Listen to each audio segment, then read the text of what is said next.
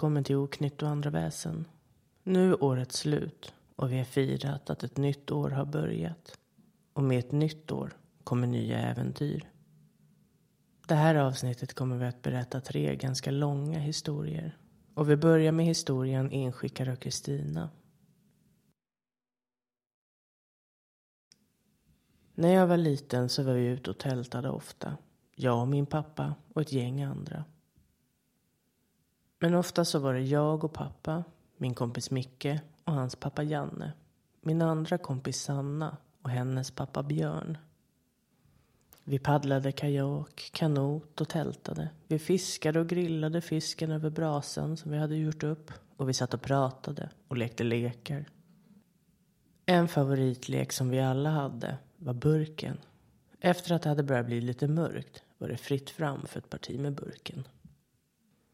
Det gick ut på att man på en öppen och vid yta placerade en burk och den skulle sparkas.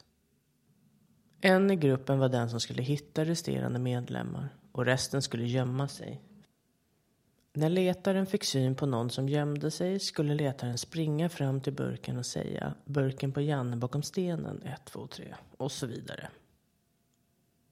Spelet gick ut på att vara den som sparkar burken. Man skulle springa fram snabbt som fan till burken, sparka den så hårt man kunde och vråla burken är sparkad. Det var en konst. Vi kröp i buskage och vi klättrade över fallna träd och gömde oss högt uppe i träd. Allt för att inte bli sedd och sen kunna smyga sig närmare målet och förhoppningsvis vara den som kan sparka burken. Ungefär som en annan variant av kurragömma. Och den här omgången startade precis likadant som alla andra. Efter maten åt vi lite godis och sen säger Janne Nu är det dags för burken. Alla ställer sig upp och kör sten, sax och påse för att avgöra vem letaren blir för den första omgången. Och det är min pappa Benny som blir letaren. Fan också, säger han och ler. Han sätter händerna för ögonen och börjar räkna högt. Vi sätter iväg. Sanna slänger sig in i ett buskage nära där vi står. Micke sätter av in i skogen och Björn börjar klättra upp i ett träd. Jag skrattar när jag springer förbi trädet och hinner se Janne kasta sig ner mellan två stenar. Vi håller oss alltid i närheten. Så när jag ser ett buskage precis framför en kulle så lägger jag mig ner på mage och spanar. Jag hör hur pappa ropar. Hundra, nu kommer jag. Jag ligger där och väntar på rätt tillfälle och börjar krypa. Ibland tycker jag att jag hör de andra. Jag ser hur pappa går runt och spanar. Han går förbi trädet där Björn sitter och går mot samma håll som Micke sprang åt. När pappa har hunnit en bit brakar Björn ner från trädet och sätter iväg. Pappa ser honom och springer efter. Björn närmar sig burken och slänger sig på marken och lägger fingrarna på den. Burken för mig Björn, ett, två, tre. Mitt i uppståndelsen kommer Micke från ingenstans och vrålar. Burken för mig Micke, ett, två, tre. Fan, ropar pappa och sparkar iväg en kotte. Björn och Micke skrattar och flåsar av språngmatchen och de sätter sig vid brasan för att vänta ut oss andra. Jag skrattar tyst för mig själv i buskarna. Pappa har alltid varit lite av en dålig förlorare. Jag kryper bakom busken för att komma närmare burken och de andra medan jag ser pappa börja leta igen. Jag ligger tyst och spanar och väntar på rätta tillfället. Och jag hör någonting strax bakom mig. Psst, Mia. Jag stelnar till. Jag känner igen rösten. Mia, bakom dig. Titta hit. Jag känner hjärtat börja rusa. Det där var Mickes röst. Men Micke var ju vid brasan med Björn. Jag tittar ju på dem. Mia, kom. Jag vill visa dig något. Jag vänder mig sakta om. Jag ligger strax framför en stor hög stenar. I mitten finns en hålighet. I den håligheten ser jag två ögon som tittar på mig. Orangea ögon. Kom Mia, jag vill visa dig någonting här inne, säger Mickes röst. Jag börjar krypa därifrån. Nu är jag så rädd att jag gråter. Kom Mia, kom till oss. Det är så fint här nere. Jag skriker och börjar springa. Jag skriker efter pappa. Janne springer fram från sitt gömställe och hinner precis fånga upp mig när jag ramlar. Jag skriker hysteriskt och försöker berätta vad som precis hade hänt. Janne bär mig till brasan och pappa kommer springandes med Sanna i hälarna. Det tog en stund för mig att lugna ner mig. Jag berättar vad som hände och våra pappor kollar på varandra. Ni tre stannar här vid elden. Rör er inte ur fläcken, säger Björn. Pappa, Janne och Björn går iväg till stället där jag låg gömd. Det tog en stund innan de kom tillbaka och under den tiden berättade jag för Micke och Sanna i detalj vad som hade hänt. Vi tyckte alla att det var läskigt och obehagligt. Att vad det än var använde Mickes röst för att lura mig. När våra pappor kom tillbaka kände vi att det var någonting som var fel. De såg rädda ut. Nu ungar gör vi kväll och försöker sova lite. Vi ska härifrån tidigt imorgon bitti, säger Janne. Vi går alla och lägger oss under tystnad. Jag vaknar till flera gånger under natten och ser att pappa ligger vaken varje gång. Så fort solen går upp ger vi oss av. Pappa och Janne markerade någonting på kartan innan vi satte oss i kajaken och paddlade hemåt. Det tog flera år innan jag och pappa pratade om det igen. Men för något år sedan frågade jag honom om den kvällen. Vad var det som hände när de gick ifrån oss vid brasan? Och pappa berättade. De hittade stenhögen och började titta runt omkring och lyste ner i håligheten med sina ficklampor. Det var som en liten grotta, inte tillräckligt stor för en vuxen människa eller ens ett barn. Men längst ner såg de fotspår och barfota fötter. Och någonstans hörde de någon som fnissade. De förstod att ingen av dem hade en aning om vad som för sig gick. Men det var inte bra. Så de kom överens om att hålla sig vakna tills det var dags att åka. Och innan vi åkte skulle de markera ön på kartan. Att hit skulle vi aldrig åka igen. Så det här var min historia. Vi har aldrig fått veta vad det var som kallade på mig den där kvällen. Eller varför. Jag är glad att jag visste att det inte kunde vara Micke. Annars vet jag inte vad som hade hänt. Jag tänker på det ibland och känner den där rysningen längs med ryggraden. Jag behöver nog inte säga att jag inte gömde mig själv något mer efter det. Tack för att ni lyssnade.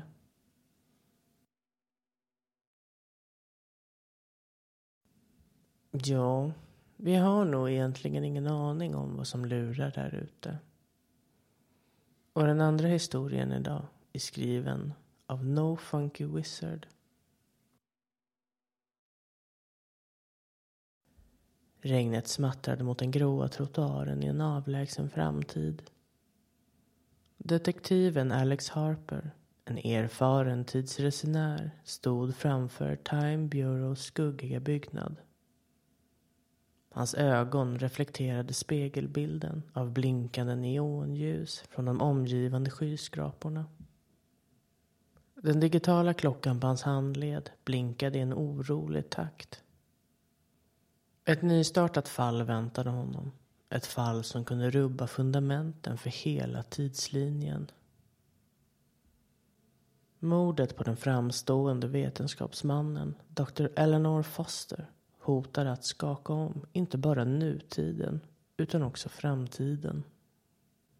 Detektiven drog ett djupt andetag och aktiverade sin tidsresedon. Inom en blinkning försvann han in i tidsvindarna redo att utforska det okända och osynliga nätet av tid. Vindarna slet i detektivens kläder när han rörde sig genom det osynliga nätet av dimensioner. Färden genom tid och rum var alltid lika förvirrande och fascinerande. Han anlände till Dr. Fosters laboratorium där tiden hade stannat i ögonblicket av det brutala mordet. En svag doft av någonting metalliskt och främmande hängde i luften. Där, vid det trasiga experimentbordet, låg den mördade forskaren. En puls av ilska genomströmmade Harper när han insåg att det här var inte bara ett mord. Det var ett försök att manipulera framtidens gång. Han böjde sig ner för att undersöka ledtrådar och snubblade över en trasig tidsresedosa. Teknologin som var hans främsta vapen och verktyg. En mystisk musik gengöd i luften och plötsligt stod Harper inte längre ensam. En skugglik figur materialiserades framför honom med ansiktet dolt bakom en svart huvudduk. Du är för sent, detektiv, viskade figuren. Tiden är redan förändrad. Spänningen intensifierades när detektiven insåg att han inte var ensam i sitt sökande. Motståndaren verkade vara en mästare på att navigera genom tidens labyrinter och verkade veta mer än vad som var möjligt. En katt och råtta-lek genom tid och dimensioner hade just börjat och detektiven var fast besluten att avslöja sanningen bakom den mördande tidsresenären och stoppa deras destruktiva planer. En oväntad kyla fyllde luften när detektiven stod där, öga mot öga med den skugglika gestalten. Plötsligt började rummet att förvridas och pulsera i takt med en obehaglig melodi. Det var som om själva tiden kröp under huden och insinuerade sig i detektivens sinnesnärvaro. Han kämpade för att behålla sitt grepp om verkligheten när skuggan började skifta och dansa runt honom som en mörk symfoni av kaos. Jag ser att du har tagit på dig rollen som tidens väktare, viskade den skugglika figuren vars ögon glödde av en mystisk intensitet. Men vad du inte förstår är att tid är en illusion. Det är en orm som slingrar sig genom verkligheten och jag har kommit för att slita upp dess masker. Detektiven grep tag om sin tidsresedom. Beredd att konfrontera den okända fienden. Men innan han kunde reagera försvann figuren återligen in i skuggorna och lämnade efter sig en isande känsla av overklighet. Och plötsligt kastades detektiven framåt i tidens ström. Han befann sig nu i en framtida dystopi där skyskrapor låg i ruiner och himlen var fylld av förlorade själar. De försenade ekorna av vrålande skrik fyllde luften och en känsla av desperation slog honom som en våg. Här, i denna ödelagda framtid insåg Harper att mördaren inte bara försökte ändra det förflutna utan även framkalla en apokalyptisk framtid. Han stod inför en fiende som spelade med tidens strängar som en ond dirigent. I den dystopiska framtidens skugga började detektiven Harper känna sig som en främling i sin egen existens. Övergivna byggnader kastade långa skuggor över hans tvivelaktiga omgivning. En disig dimma svepte genom ruinstäderna och överallt hördes avlägsna förvridna skratt som om tidens själar själva hade gått förlorade. I denna surrealistiska värld kom figuren fram i mörkret igen. Ett leende smygandes över dess ansikte. Tidens tragedi, detektiv Harper, hånlog den mystiska motståndaren. Kan du se skillnaden mellan det som har varit och det som kommer att bli? Eller är allt bara en hopplös röra av händelser? Detektiven, överväldigad av tvivel, försökte gripa tag om någonting fast. Men tidens väv var redan i färd med att nystas upp.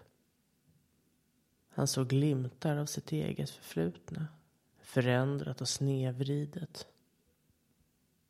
Skeendet av hans liv uppenbarade sig framför honom som en mardröm där hans handlingar var oigenkännliga och motiven obegripliga. Människan är en fånge av sina egna beslut, fortsatte motståndaren. Du, detektiv, är inget undantag. Ditt öde är redan förseglat och du är bara en marionett i tidens absurda teater. Detektiven, plågad av inre demoner och tvivel, kämpade för att behålla sin sannhet. Han insåg att han måste ta kontroll över sitt eget öde och avslöja sanningen bakom den här skoningslösa manipulation av tidens ström.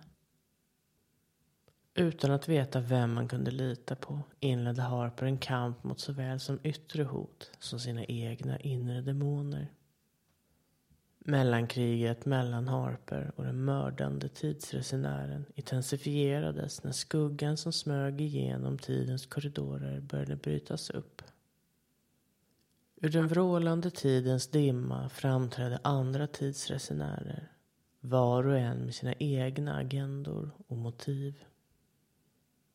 En kvinna med kalla ögon och en mystisk aura dök upp och sa Detektiv.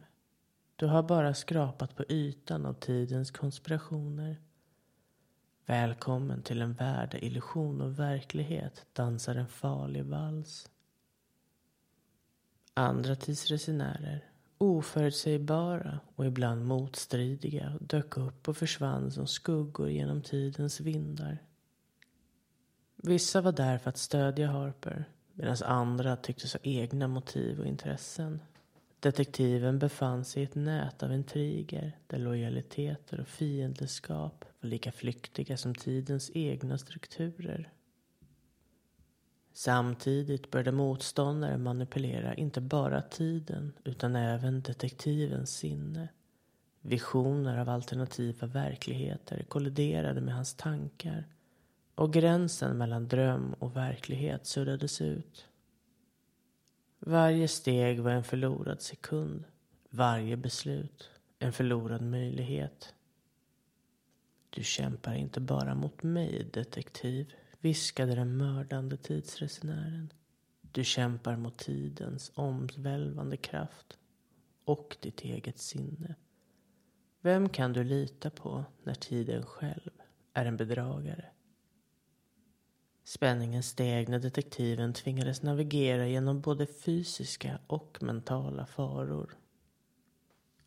Fast i en snärjig labyrint av tid och psykologi dras djupare in i mysteriet om den mördande tidsresenären och den dunkla värld där tid och självdisciplin kolliderar.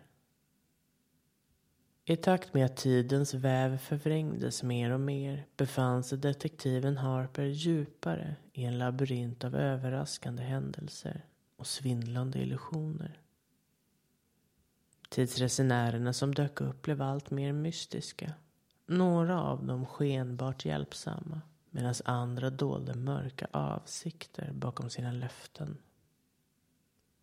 En tidsresenär med gnistrande ögon trädde fram ur dimman och presenterade sig som Elena. En vagabond i tidens drömmande vatten. Hon mumlade kryptiska ord om förbisedda öden och parallella världar.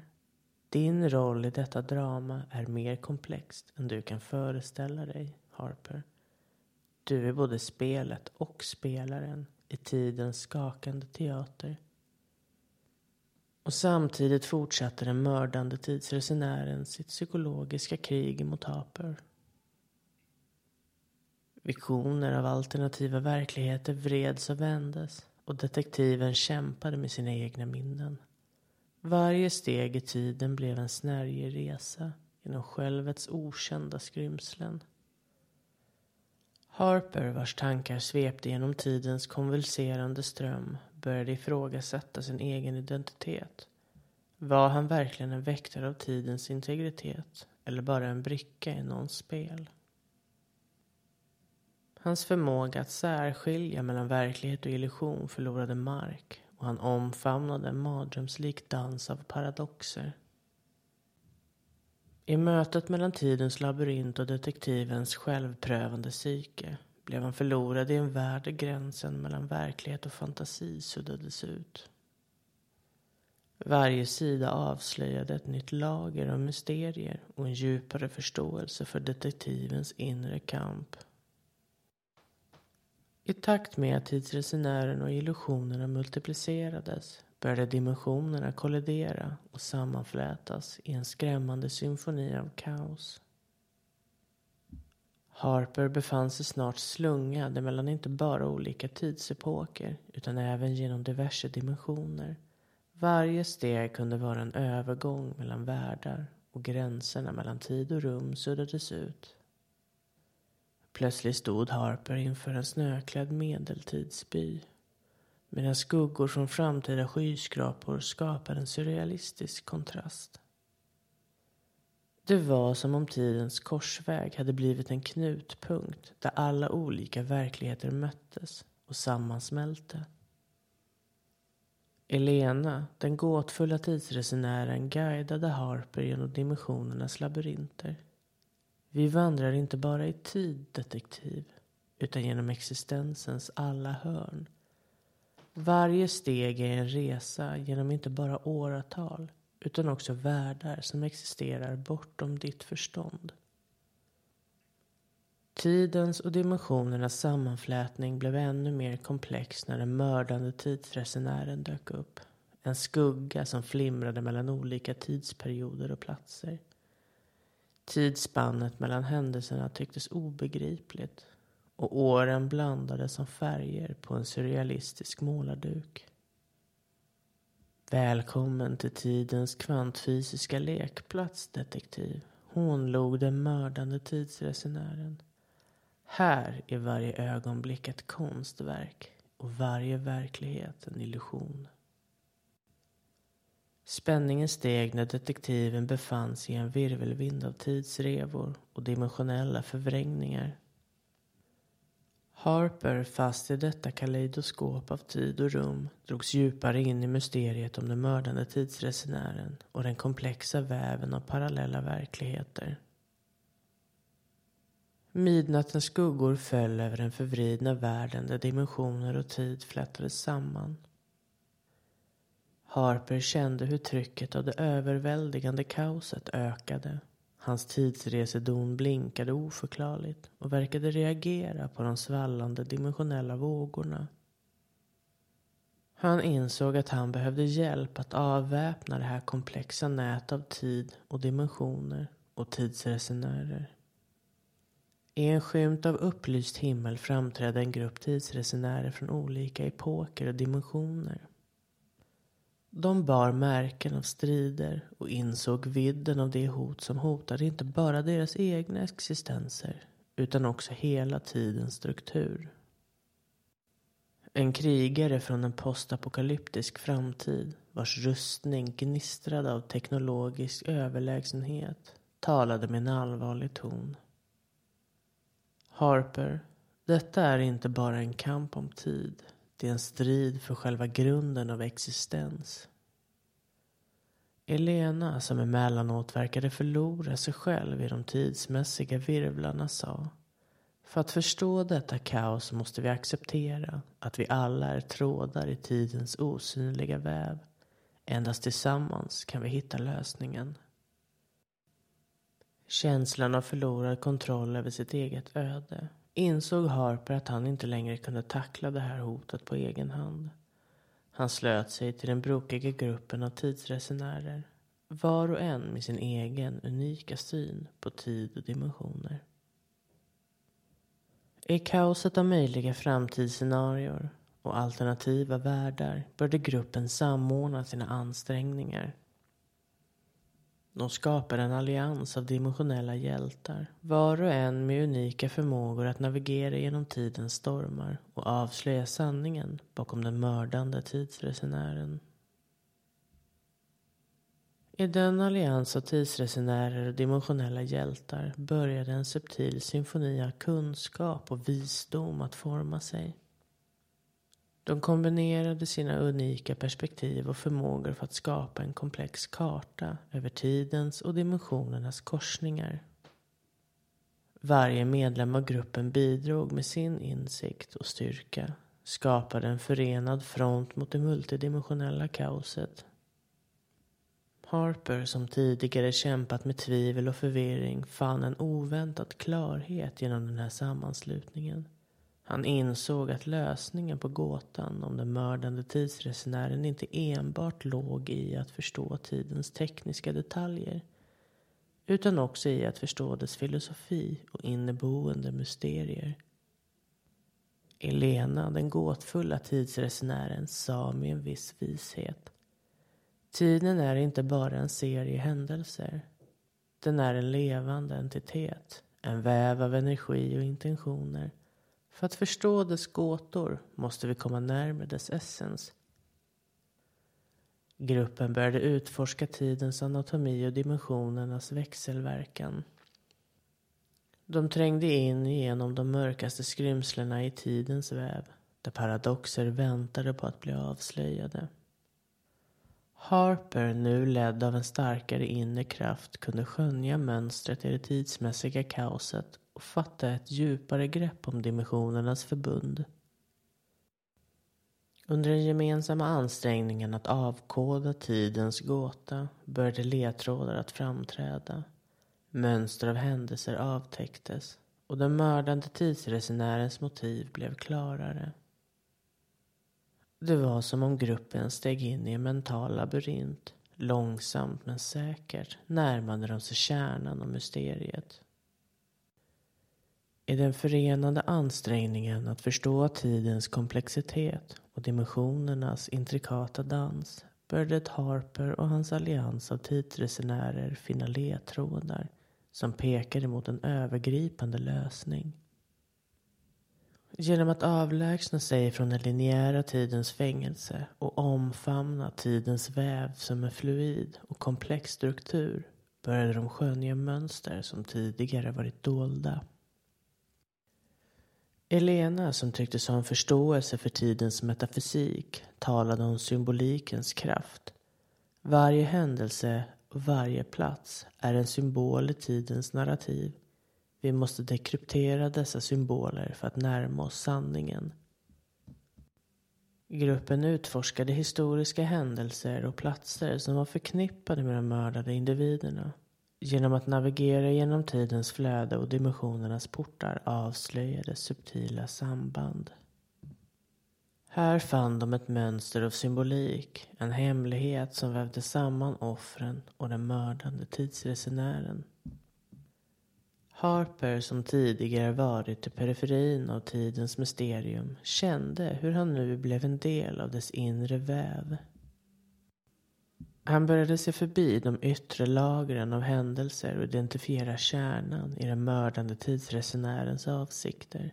Varje steg närmade de sanningen och spänningen steg i takt med att gåtan avtäcktes. Mellandimensionella glimtar och tidsstrimmor framträdde en bild av ett alternativ verklighet. Där mördaren försökte korrigera en skev framtid. Harper insåg att lösningen inte bara handlade om att stoppa mördaren utan också att förstå orsakerna till deras handlingar.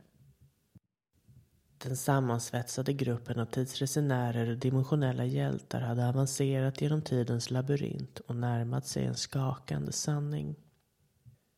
De befann sig nu vid korsningen av tid och öde, redo att avslöja hemligheterna bakom den mördande tidsresenären och den förvridna symfoni av dimensioner.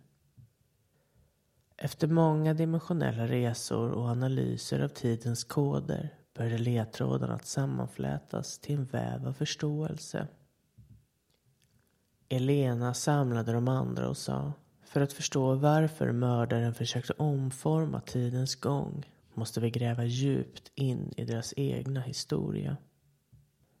Genom en gemensam ansträngning inriktade de sig på att utforska mördarens förflutna. De vandrade genom tidens gång och trängde in i fragmenterade minnen. Avslöjade den mörka sanningen om deras ursprung och de motiv som drev dem. Det var som att lösa ett svårt pussel där varje bit var en ny skrämmande upptäckt. I Harpers förlängda tidsresor genom mördarens förflutna blev bilden klarare. De stod inför en individ som en gång hade varit en väktare av tidens integritet. Men som förlorad i en personlig tragedi hade börjat manipulera tid och dimensioner för att återställa det som hade gått förlorat. Ett chockerande avslöjande väntade gruppen. Den mördande tidsresenären var en framtida version av Harper själv. En beslutsamhet att rätta till en personlig tragedi hade förvandlat en en gång hedlig väktare av tid till en hämningslös manipulator av tid och öde. Harper kände en våg av förnekelse och förvirring svepa över honom. Hur kunde han själv bli en arkitekt av kaos och förlust? Gruppen stod inför ett moraliskt dilemmas ögonblick. Skulle de konfrontera och stoppa den kommande versionen av Harper? Eller fanns det en möjlighet att ändra dess dystopiska framtid? Elena med sin visdom från tidens källa sa Om vi kan hjälpa dig Harper att undvika den tragedi som väntar i din framtid kan vi också rädda den mördade tidsresenären från sitt öde. Detektiven, konfronterad med sitt eget öde, kände en ny form av ansvar. En storslagen sista strid mellan tidens väktare och dess förlorade version var nu oundviklig. Gruppen stod tillsammans, en enhet av tid och dimensioner, redo att forma om ödet självt. I en virvelvind av tidsrevor och dimensionella stjärnstoft möttes de två versionerna av Harper. Striden var intensiv. En kamp mellan två själar som kämpade för att skapa och rädda sina egna öden. Vävda i tidens ström kämpade de på gränsen mellan existens och obönhörlig förändring. Till slut, när Harper stod över sig själv, hade en ny framtid formulerats. Den mördande tidsresenären, befriad från sitt förutbestämda öde, stod nu redo att återskapa sitt liv och ändra historiens gång. Som tidsrevor bleknade bort och dimensionella virvar snocknade kände gruppen att de hade främjat inte bara ett avslöjande utan också en möjlighet till försoning och förändring. De hade omformat tidens gång och vävt om en del av ödets väv. I det avslutande ögonblicket, när tidsresor och dimensionella förskjutningar lagt sig, kände detektiv Harper en omskakande lättnad. Framtidens spöke som en gång hotade att fördärva både hans och den mördande tidsresenärens öde hade nu förlorat sin makt. Gruppen som hade varit bärare av förändring och rättvisa kände en djup tillfredsställelse. De hade navigerat genom tidens stormar och förvrängningar för att avslöja inte bara en mördare utan även en komplex väv av kausala länkar och moraliska dilemman. Elena som hade visat sig vara en nyckel till förståelsen av tidens väsen vände sig till detektiven Harper med mildhet i sina ögon. Du har bevisat att tiden inte är en obeveklig domare utan snarare en möjlighet till förnyelse och försoning. Detektiven omformad av sin resa genom tid och själ kände en ny form av ansvar Gruppen, nu starkare än någonsin, beslutade att fortsätta vara väktare av tidens integritet. De skulle övervaka och vägleda, förhindra att förödelse upprepades och hjälpa dem som gled vilse i tidens dunkla ström. Avslutningsvis öppnades ett nytt kapitel där dimensioner och tidsresenärer samverkade för att skydda tidens sårbarhet. Harper insåg att tiden, liksom livet självt, var en oändlig möjlighet till förändring och tillväxt. Som tidsresenärerna stod enade försvann de in i tidens horisont, redo att möta nya utmaningar och försvara tidens sköra balans. Harper lämnades med en känsla av fascination över det outgrundliga mysteriet som är tid. Där varje val och handling kan väva om historiens narrativ och forma framtiden.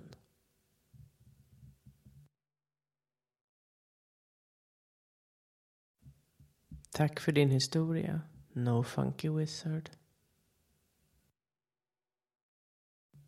Och i den sista historien är inskickad från USA Cole berättar i ett mejl vad som händer hos honom i Wardensville, West Virginia. Hej. Jag ska inte ljuga. Det här känns som en väldigt konstig grej att göra. Och berätta för den delen. Men det händer saker runt mitt hem som jag inte förstår. Och jag vill dela med mig av det. Hur konstigt det än må låta. För jag behöver hjälp. Jag bor i utkanten av Wardensville i West Virginia. Jag har ett hus som ligger väldigt avsides och inte i skogen. Wardensville är inte en storstad alls, men vi har allt vi behöver. Jag bor som sagt i utkanten och en del av min tomt består av skog. Här har jag lite höns, en katt som heter Bob för att hålla råttorna under kontroll och en hund som heter Pete. Vi har levt fridfullt och vi har haft det lugnt. Det började egentligen med att hönsen började försvinna. En efter en försvann de. Och jag kan för mitt liv inte förstå hur. Det fanns ingen skada alls på hönsgården. Inga hål och dörren var inte öppen. Det enda jag kunde komma på var att någon kom hit på nätterna, öppnade dörren till hönsgården och gick in och tog en höna och stängde efter sig på vägen ut. Det fanns inget blod eller några fjädrar heller, så jag var inte ens säker på att vem det nu än var som tog mina hönor hade ihjäl dem. När hälften av dem var borta så åkte jag in till stan och köpte kameror. Nu ska jag hitta den här jäkeln och få tillbaka mina höns. Eller i alla fall ersättning för dem. Jag satte upp en kamera som var riktad rakt emot dörren till hönsgården. Och sen satte jag upp resten lite här och var runt om så jag kunde ha en god överblick över min tomt och hönsen. Och sen var det bara att vänta.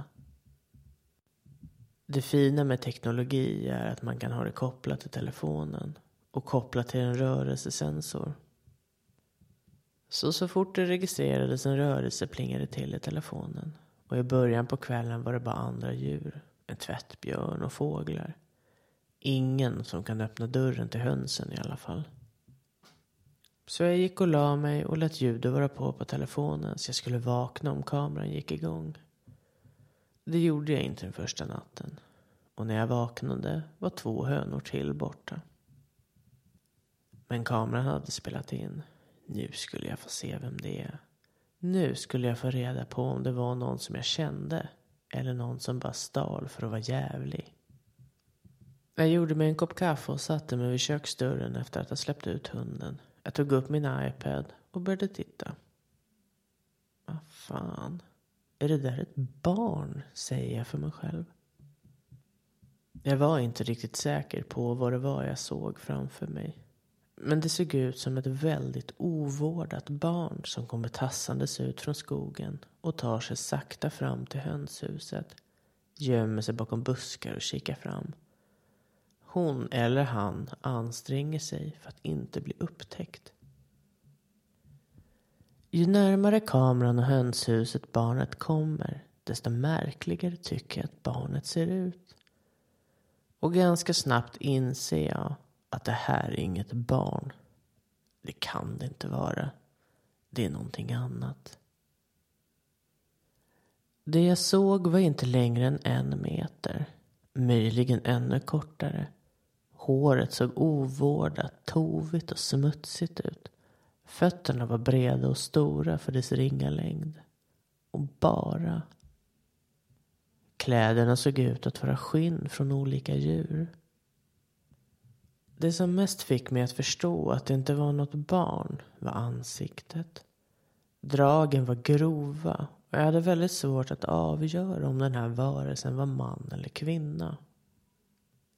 Ögonen var djupt insjunkna under en kraftigt utstickande panna. Näsan var bred och platt och det såg ut som om det satt en ring i näsan.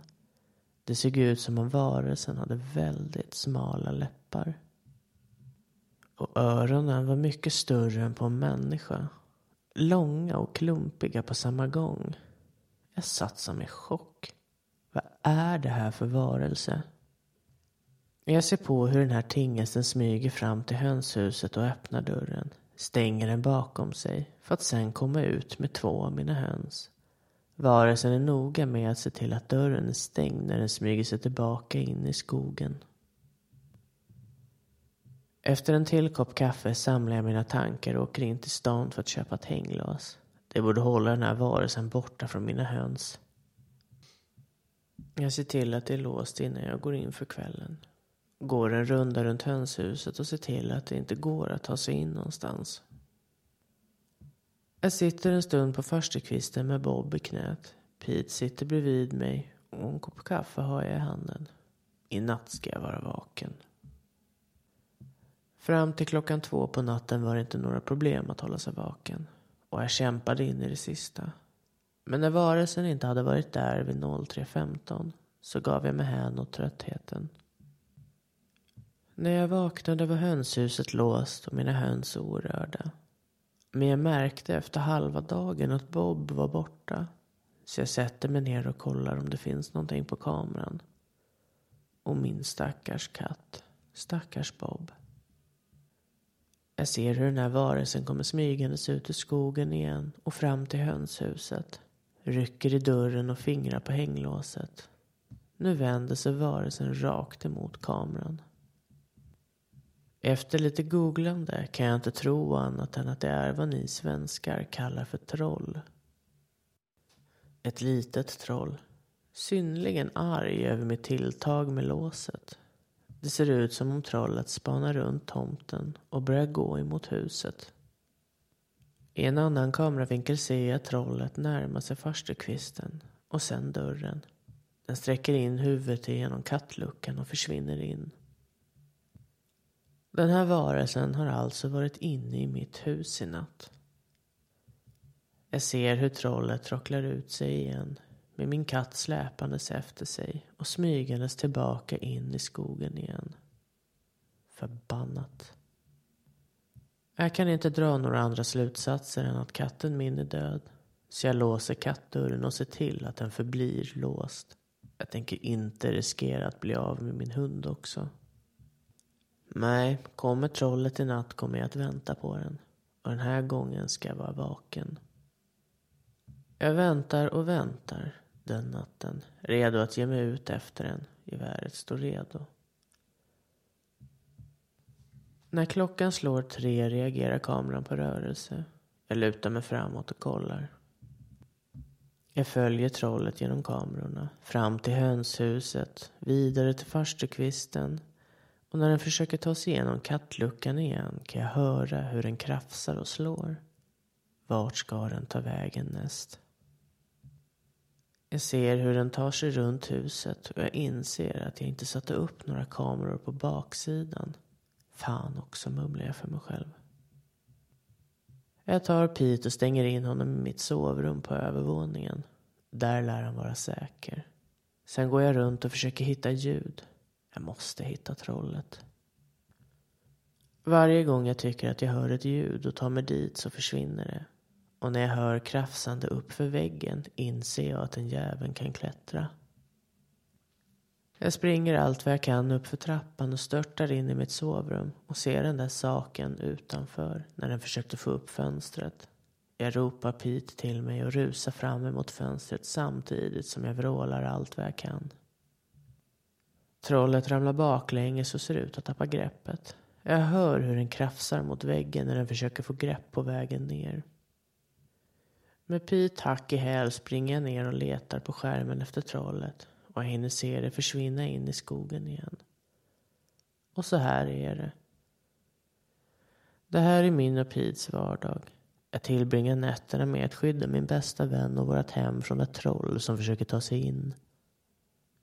De senaste nätterna har jag sett ett till på skärmen. Det verkar funka någorlunda att ställa ut ägg och annat till dem. Men hur länge ska jag behöva hålla på? Om någon där ute vet hur jag ska göra för att bli av med dessa varelser, snälla berätta. Jag har försökt att söka efter svenska troll, men jag hittar inget alls om det här. Vad ska jag göra? Hjälp mig. Cole.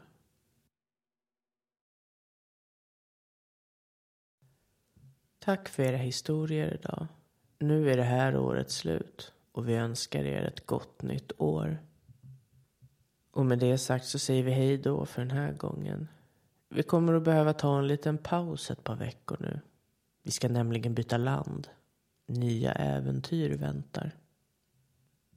När vi kommer igång igen kommer vi ha nya spännande historier och väsen att prata om. Och fortsätt gärna att skicka in era historier och upplevelser. Det kommer komma avsnitt som passar alla. Och kanske kan ni gissa vilket land det bär av till. Tar till näst.